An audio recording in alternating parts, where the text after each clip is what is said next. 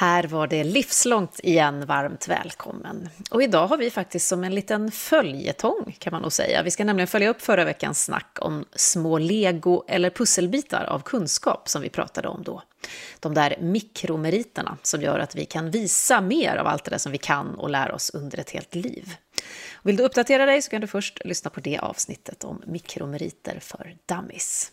För idag går vi alltså vidare till del två, eller kanske nivå två av det resonemanget, med en av i alla fall Europas och möjligen faktiskt kanske också en av världens främsta experter på det området. Så spetsa öronen och häng med. Livslångt, en podd om lärande.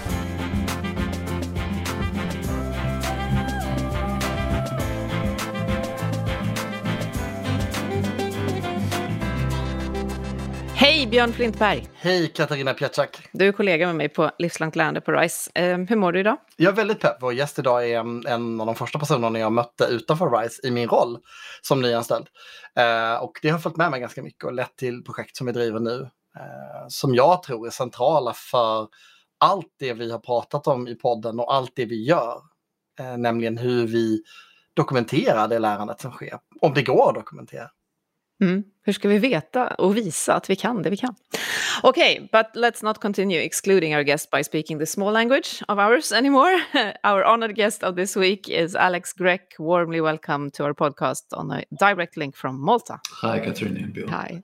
Um, the question that we usually start with with our guests uh, who are you really oh, gosh um, yeah uh, i'm a 60 year old man who was a couple of hats, I guess, and I guess that's normal when you get to my age, if you've survived to my age. Um, I run something called the 3CL Foundation, which is a small foundation in the tiny island of Malta, which was set up in 2017, essentially backed by a small grant from the government here. But most of the work we do is in education and technology outside Malta. Uh, I teach new media at the University of Malta. Um, so I'm interested in technology and what can we do with technology as a public good, but also as a, as a means of personal freedoms. It's something I'm kind of obsessed with. And the third thing, I, I, I kind of work with a handful of organizations around the world, from the EU to the World Bank, to essentially again looking at can we can we use disruptive technologies uh, for the public good? I, I, kind of veer between the three worlds, and occasionally I write, occasionally I speak, and uh, that's what I do.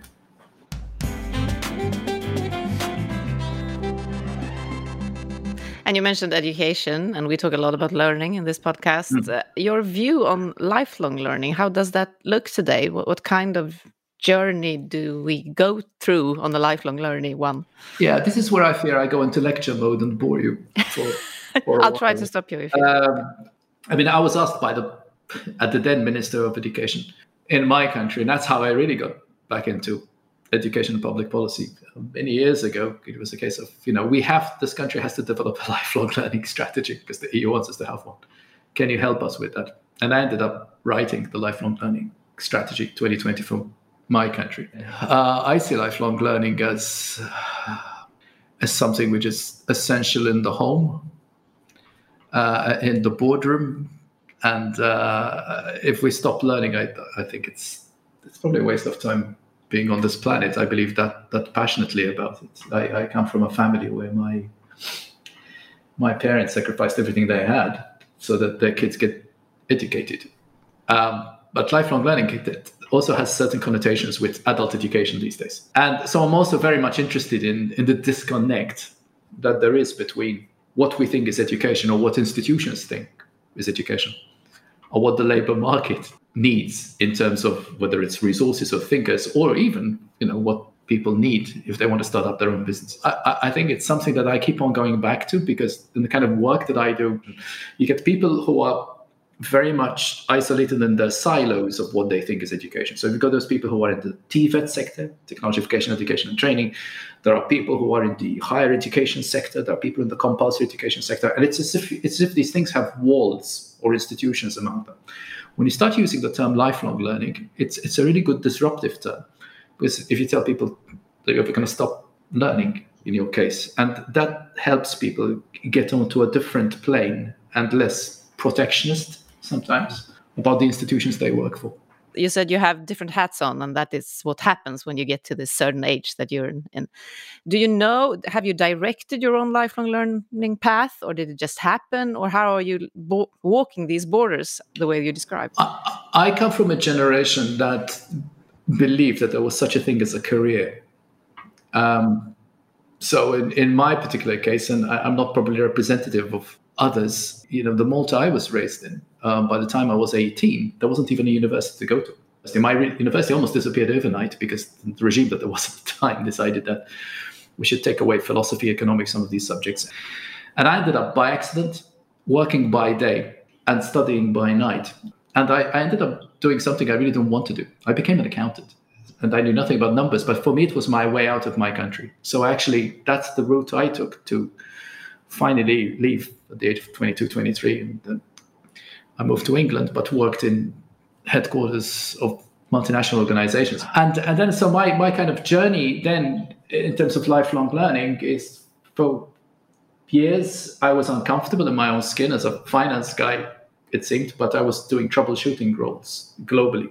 And when I decided, again by accident or design, to, to return to Malta to help the country join the EU, um, that's when you get your midlife crisis okay and at a certain stage for me you know when you have midlife crisis what, what, do you do? You know you either go and get a divorce or get fast cars or get into education. My my way of doing that was i did a phd quite late in my life in my my mid 40s and i i specifically at the time wanted to in terms of my lifelong learning it, it kind of coincided with the rise of what i call we call now social platforms. And i was really interested in the political um, resonance of these things. I mean, the fact that you could say anything that you wanted to without the permission of gatekeepers at the time was really important for me, and I wanted to investigate that.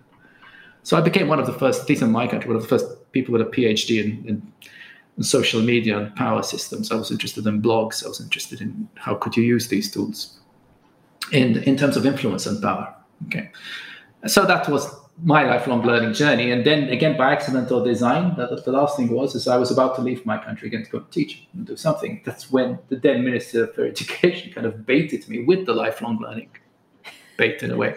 So you couldn't resist. Uh, yeah. So I, well, I was a bit, you know, yeah, we're all naive and we all, you know, want yeah. to do something, yeah, I course. guess, which has resonance. Yeah, my dad always said that he became an engineer, um, although he was suited for that as much as a donkey, just to get out of something else. So you don't know even know what, what the lifelong journey takes you in different kind of ways. Björn, you said that Alex uh, has an, had an impact on you or on the view or our discussions or everything that we do when you met him. So, how would you describe what you see from our horizon? What's what happened on Malta uh, when it comes to learning and education? Um, well, you know, island nations have a lot of challenges, of course, uh, especially small island nations. But there's also advantages because they they they become and sorry for for the comparison, they become a petri petri dish. I think it's called in English, right?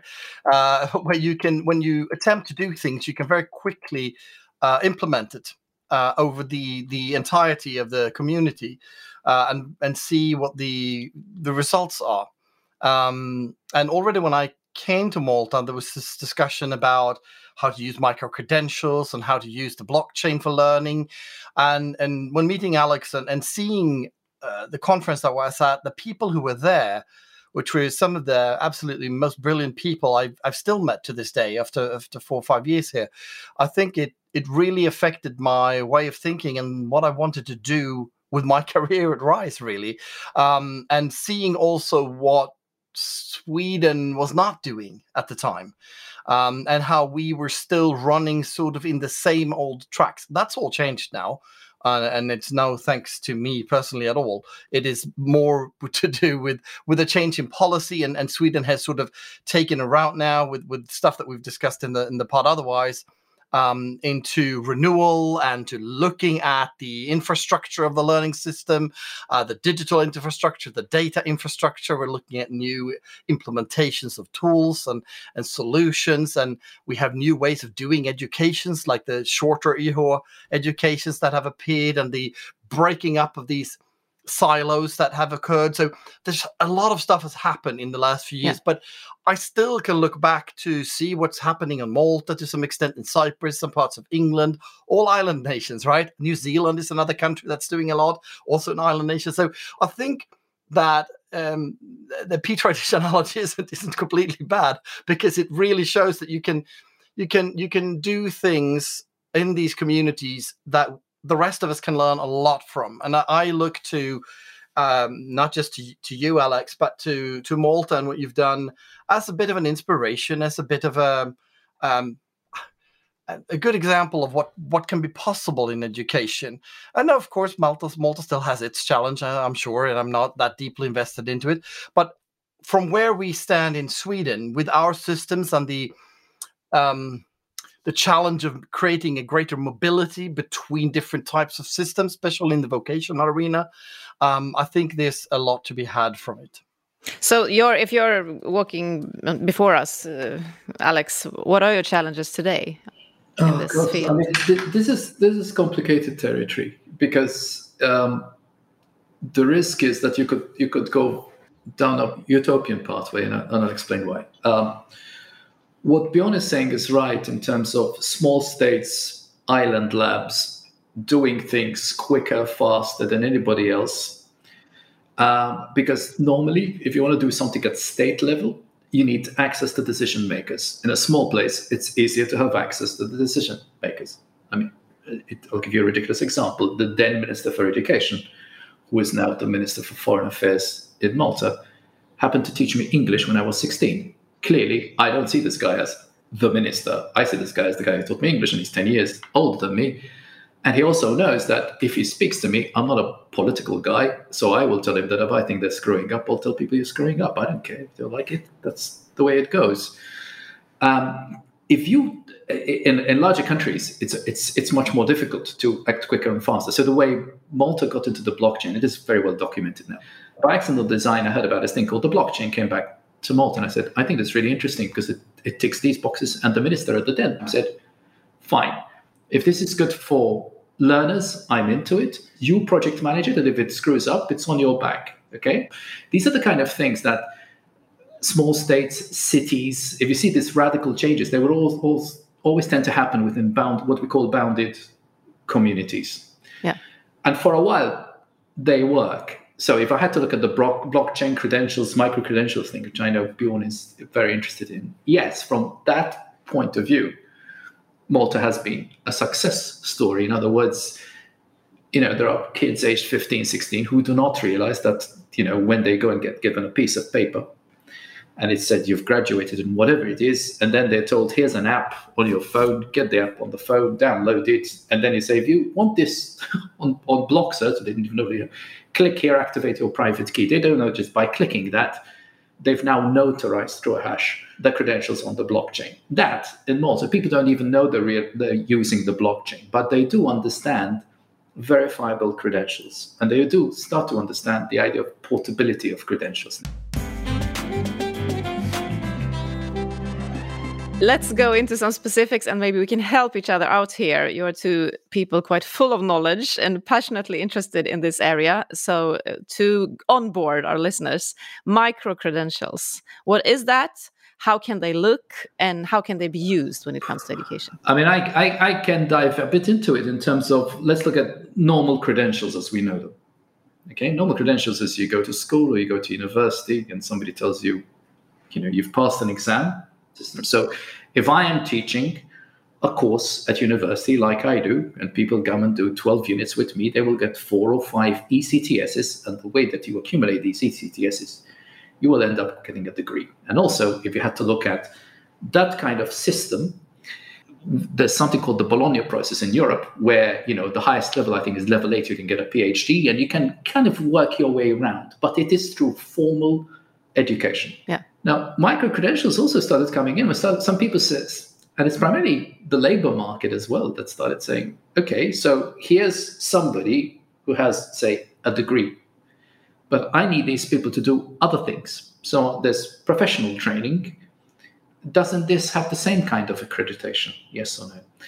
Then we started getting into, well, you know, I've gone to a conference for two days and somebody's decided to give me something called a badge, a digital badge, because I've spent two days of my life listening to somebody like Alex or somebody, other people there, and, and that must count for something. Or let's say my son, this is a real life example, okay, that when my son was applying to join Oxford, which is one of the most traditional bastions of education, okay, one of the things that when he was putting in his little application, encouraged by his mother, okay, was like she told Jacob, do put down the fact that you have, at the age of 16, started teaching English to refugees in Malta. And you've got a little certificate from somebody who pointed saying, okay, that's a micro credential. Now, does that count now within the taxonomy of this person, the credentials that you've accumulated in your life? Now, if you believe in lifelong learning, you will believe that through life you accumulate not just the PhDs of this world, but that being able to have gone rock climbing, for all I know, that might be as important as firefighting or being able to save somebody from a you know a heart attack. Now, shouldn't those credentials also be accumulated into your sphere of personal credentials? If you want to now extend that philosophically, there are two things which are interesting. One is self sovereignty or self sovereign identity, the idea that these things that you accumulate belong to me, not the institution that's given it to me. Now, you will be amazed how radical an idea this is. Most organizations around the world, from universities onwards, even the Chartered Association of Certified Accountants, as I found out when I wanted to do a PhD, but I'm just thinking the certificate belongs to them. So the first philosophical thing we have to accumulate is we believe that my identity belongs to me, even though somebody else gave it to me, my parents. But think in terms of India, if nobody has ever registered you, you actually don't belong. So the idea of identity is belong to me, it's belong to the institution that gave it to me. The second thing is that these credentials belong to me. And the third thing is it is up to me which ones of these credentials I am going to use for whichever purpose I need it. Now, if you put another layer now, which is the layer of interoperability. Now, interoperability within systems means that systems talk to each other. It's a technical term. So if you talk to a technical person, they think, yeah, it's obvious, yeah, well, this system talks to this system. Now, put it in within the world of education, where people actually can move from one country to the other. So at the moment, my son is the United in the United Kingdom. And he had to prove that the kind of education that he got in Malta, albeit that he was only 18, was valid for something. Now, when you come to recognition of those credentials, life starts getting very complicated. If we had all of those credentials, which I think belong to my son, like mine belong to me, notarized on a decentralized piece of technology, say the blockchain, it might be easier to automate this whole process that as people move, and here we're talking about migrants, which was another thing that Bjorn and I were talking about the other day. What is a migrant? We seem to associate the word migrant with irregular migrants or people in boats. I was a migrant for 10 years. I moved from one country to the other. All these people flooding in from Ukraine will find employment at some stage.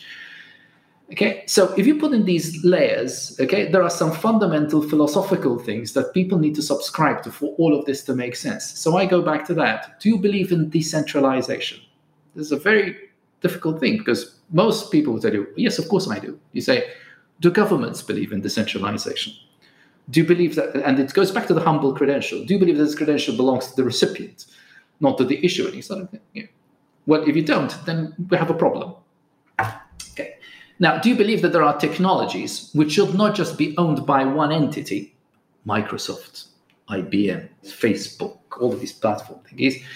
Could we have some sort of system where the technology, in a way, is not so important, but the philosophy of it is? And could we put this to good public use?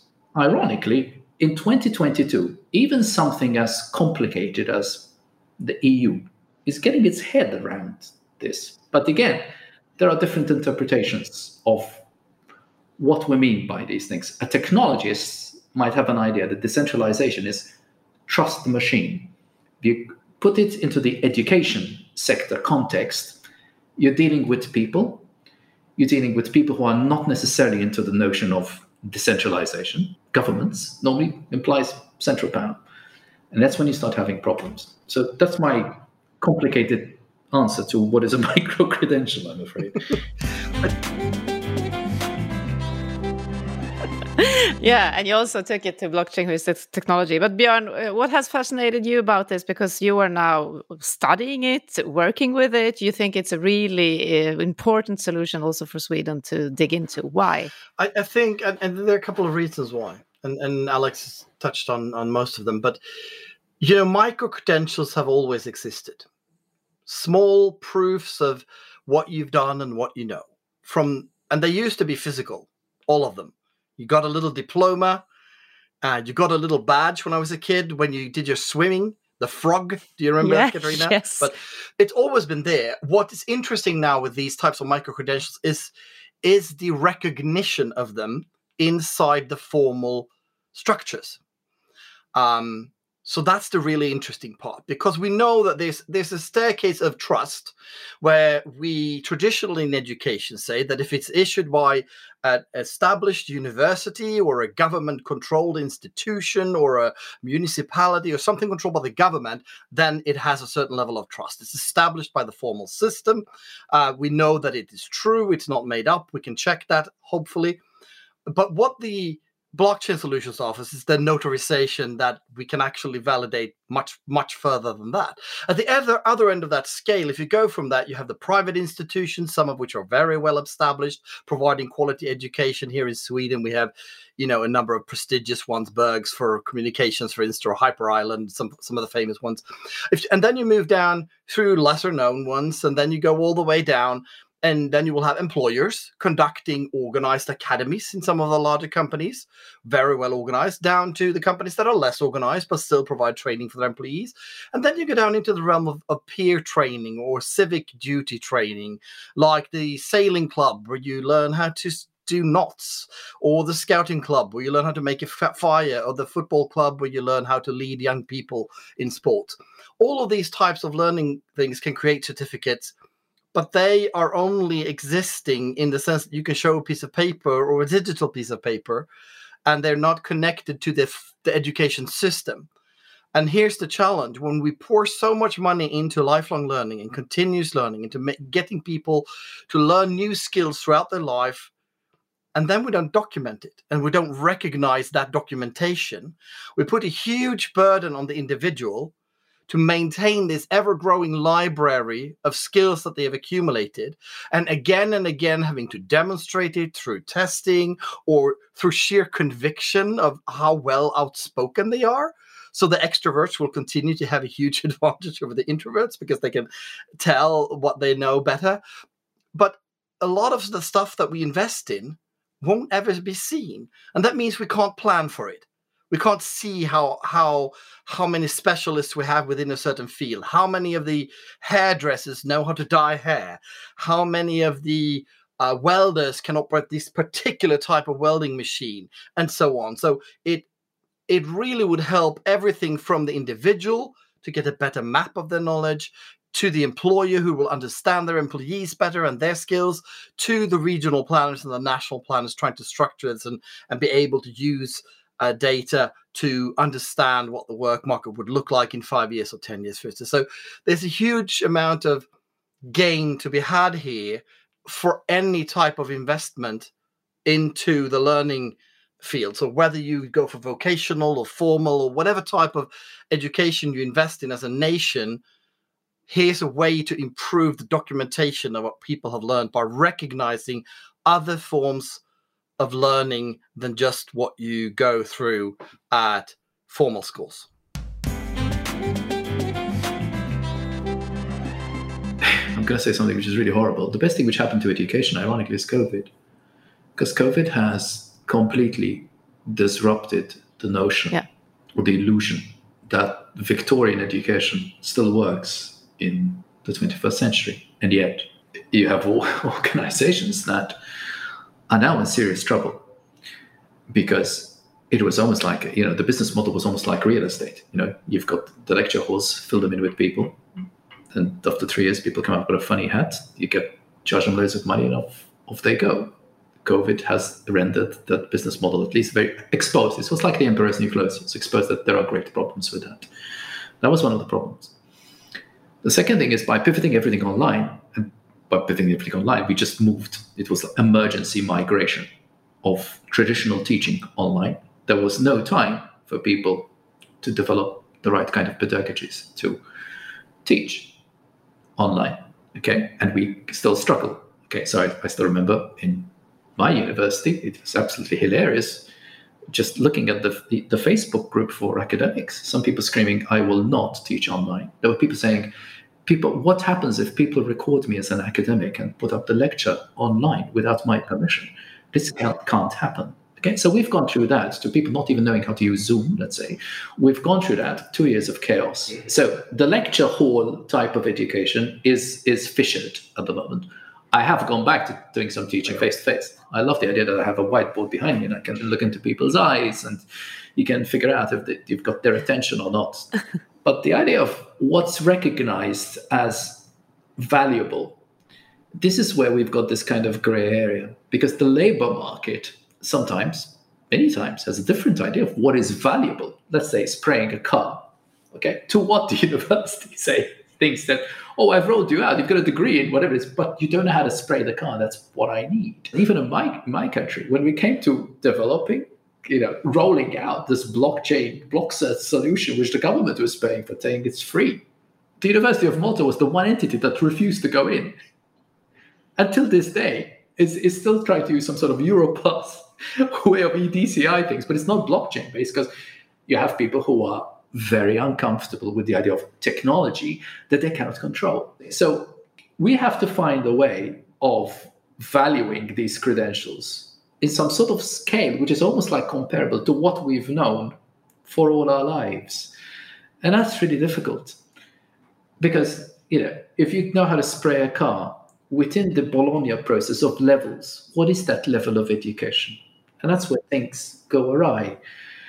And we haven't find, found those kind of standards yet. If you know, need to know that kind of standard, so even though technically, you want to show me how, you know, let me show you how can I know how to spray a car. Here's a video of me spraying a car. That's my credential. I know how to spray a car. Accredit me. But you still want to give me a piece of paper? Give me a piece of paper based on this video to demonstrate that I know how to spray a car. Now let's notarize it somewhere that nobody can take that away from me. Mm. And I think we have discussed this, you know, a while ago. What we had done in this in this country is because we are on the refugee trail, like most of Europe is going to be now. Okay, there are people who will arrive claiming that they have credentials that they need to prove again. And one of the things that we had done here was that even if your university or technical college, you came from Syria that had been bombed, doesn't exist anymore. Now we've reaccredited you, we've tested you. We know this credential belongs to you. It will never be taken away from you because we're going to notarize it on some technology like the blockchain. But that's so that's why I keep on going back that you have to believe in certain philosophical approaches to this thing because otherwise the whole thing falls apart. And even the, at the EU level, we are in this kind of discussion right now. You know, the EU is a fragmented organization. Okay, remember you've got DG Connect, which is in charge of technology. You've got DG IT, which is really into hardcore IT. You've got the DG responsible for employment. You've got the DG responsible for education. These organizations are not really used to working in symbiosis. Something like this European blockchain services infrastructure, ironically, disrupts the silo way of doing things. And that's one of the challenges that we are finding is to try and get everybody on the same page. Yeah.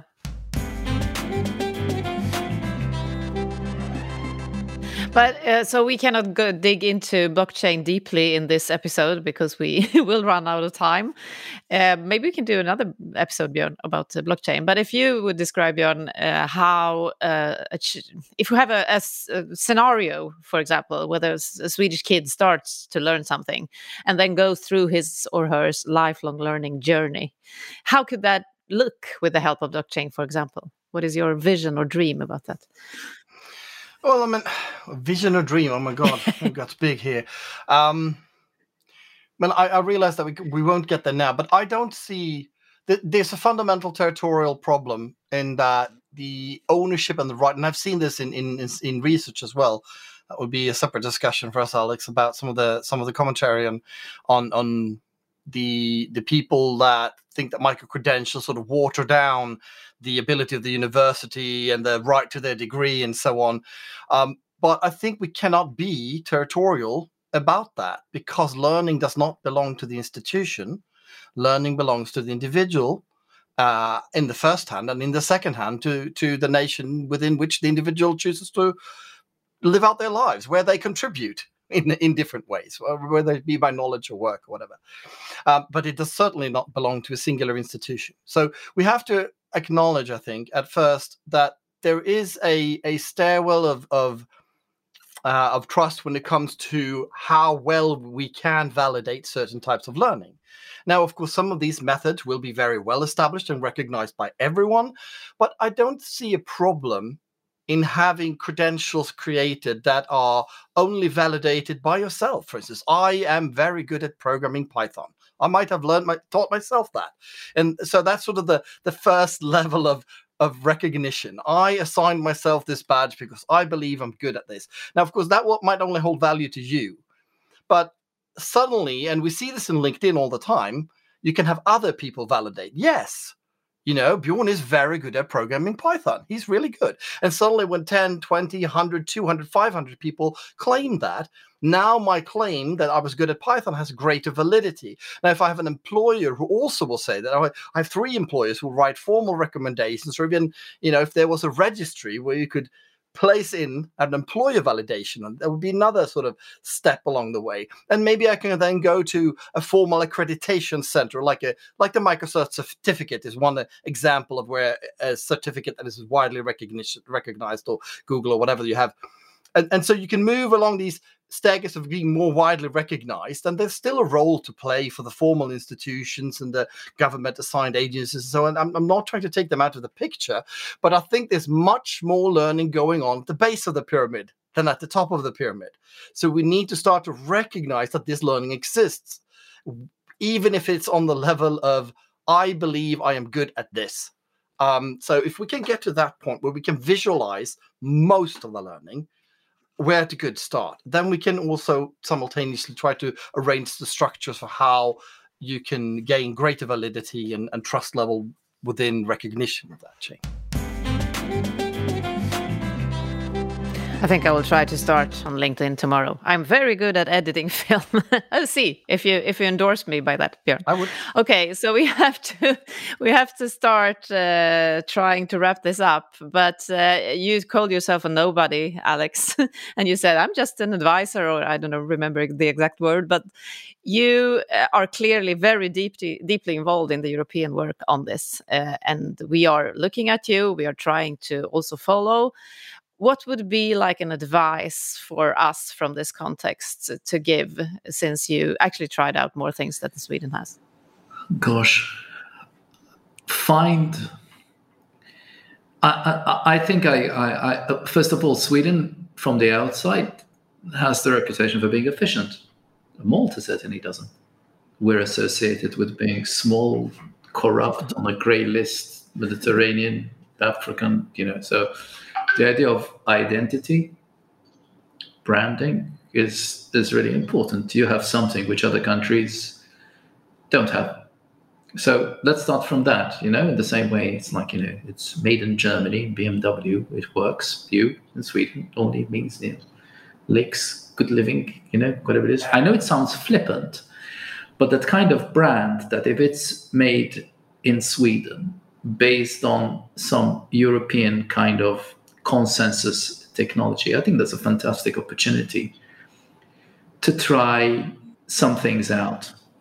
I think your relationship with the labor market, I think, is ex- is extremely important because for many years, the labor market has been saying there's a disconnect between the credentials at, from formal education and the skills, and we haven't spoken about skills, the skills which are required for people to operate efficiently within the labor market, when the labor market itself is, of course, pivoting, changing, like the industry 4.0 and all of this kind of stuff. Okay. Um, so the only advice I would I would say is yes, you, you calculate your risks, um, but I think there's a fantastic opportunity. The same way I saw opportunities for people like you know cities like Amsterdam or small states like the Bahamas that went and did what we had done in Malta, but did it bigger, faster, better. They didn't just look at education; they looked at the whole notion of identity. You know, I still believe in the European project. Ironically, more than ever now, even geopolitically, because of what's even what's happening sadly in, in the Ukraine. So yeah, you know, my, my answer really is I would focus on high profile sandboxes, pilots, but which can then be very rapidly adopted by somebody large. So it could be somebody large within the labor market or some partner within the labor market. It, showing people that something works still counts. One. Two, the credential is not going away ever so in the same way that my PhD is in the corner of my room somewhere there, it's still a piece of paper. Even though my father framed it, I didn't. I had to recoup it from my dad when he moved house. Okay, didn't care about it. It's still there. Those things are not going to go away. We're always going to have to prove that we do have the credentials to do something. So I take Bjorn's point that you start from yourself, you believe in yourself, what you can do. Okay, and that's pretty much so if you have to get and pivot that into the whole world of web 2.0 influences and things like that then pivot it into we haven't discussed this web 3.0 the metaverse the world of nfts what the, the, kids who blink at me on a, on a monday and, and kind of think why should a 60 year old what does a 60 year old have to teach anybody aged 19 20 because by the way they're already you know making money on, on crypto and stuff like that so I think there are some things which I believe are not going to go away. I don't think credentials are going to go any any format. Too, like Bjorn, I really believe that micro credentials are not going to go away, but for me are part of this system of self-sovereign identity and empowerment of individuals. The third thing is we have to keep on looking around to see if there's any piece of technology which is better than anything else. I mean, I'm not particularly obsessed with the blockchain. I am obsessed with the idea of decentralization because that for me implies power vested in the individual. Now, if that implies something socialist or whatever it is, so be it. We've now learned the lessons also because of what's happened with Web 2.0 that we've trusted certain platforms, the Facebooks, the Apples of this world, okay? And we know what the, what the situation is. So I think we're at an interesting stage. The last thing is education still counts. It's not going away. So the same way that the kind of work I'm doing in Africa with UNESCO even though you kind of tell, tell people it's TVET and the sector, people still hark for higher education. That's not going to go away either. So I think it's interesting, interesting, complicated territory. But I think Sweden is you know, where you guys are sitting. If I, you know, I think you're in a happier position than we are right now over here in Malta, having tried experiments which worked.